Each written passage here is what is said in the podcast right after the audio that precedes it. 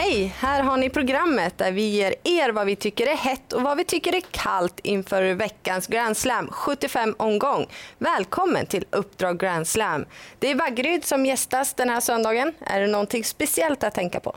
Eh, ja, men det är det väl. Eh, som vanligt på sommaren tänker man ju säga att eh, det är bra att vara med där framme. Men det är lite extra speciellt på just den här banan. Där vill du gärna vara i den främre träffen och det är svårt att ta någonting från köposition i sista sväng. Då. Även fast upploppet är långt så är det ofta de som är med där framme som vinner. Ja, men då är det dags att köra igång. Här kommer veckans heta. Ja, men det är alltid intressant med hästar som debuterar i ny regi och vi har just en sådan häst i den första avdelningen, nummer ett King Up som gör första starten för Robert Berg och jag tycker att han ska räknas direkt. Ja, spännande givetvis. Och I den andra avdelningen så tycker jag att jag har hittat eh, en intressant häst. Det handlar om nummer fyra, Orevar Font. Det är ett montelopp det handlar om och Tova Bengtsson sitter upp direkt på den här hästen. Tova Bengtsson som ligger tvåa i monteryttarligan med en segerprocent på lite drygt 30. Så det känns klart intressant eh, med henne upp direkt bakom Orevar Font. Och det här var ju som du sa ett montelopp och vi tog hjälp av våra kollegor om det skiljer sig hur man analyserar montelopp gentemot sulkelopp. Det här är deras svar.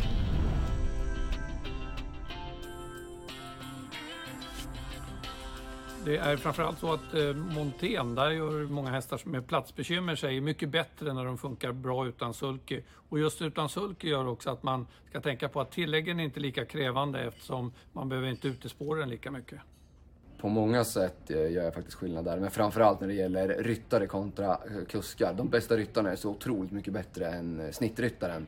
Medan det inte är lika stor skillnad mellan kuskarna i travlopp. Så att man bör leta efter namn som Emilia Leo och Sofia Adolfsson i startlistan. Jag brukar vara väldigt noggrann med att kolla vilka de bästa ryttarna rider helt enkelt. De hästarna brukar ha klart bäst chanser.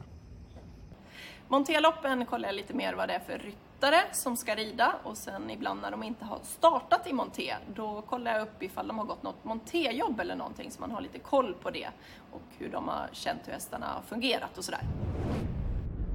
Ja, och eh, där fick vi höra lite röster. Det verkar väldigt viktigt just vem det är som, som rider också. Mm. Ja, du fick medhåll där. Ja, precis. En annan sak som är viktigt, det handlar om ny utrustning. Och I den tredje avdelningen, nummer tre, Apple Rose, ska för första gången gå med ett Open Eye-huvudlag, men framför allt en amerikansk sulke. Och det blir återigen barfota bak. Så de här ändringarna är såklart jätteintressanta. Sen har hon även ett, ett intressant läge och räknas ju på grund av det också.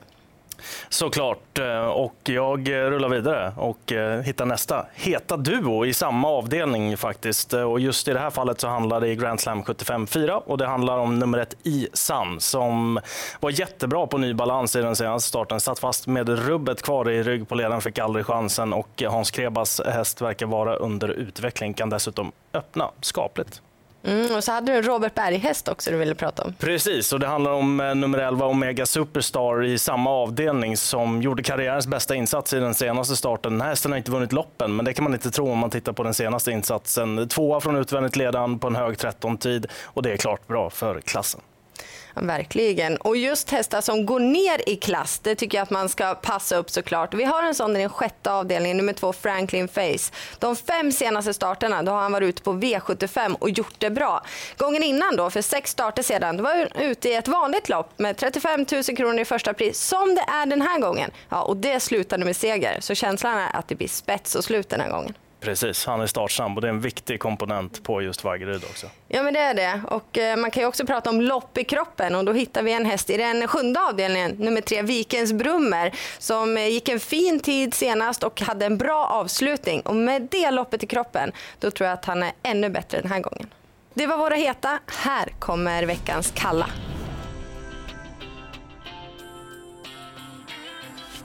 Och vi inleder veckans eh, kalla med eh, häst nummer 6 i Grand Slam 75-inledningen. Det handlar om Wilmer Gel. Den här hästen har inte vunnit lopp sedan eh, februari 2019 och kommer till den här starten med två raka diskvalifikationer.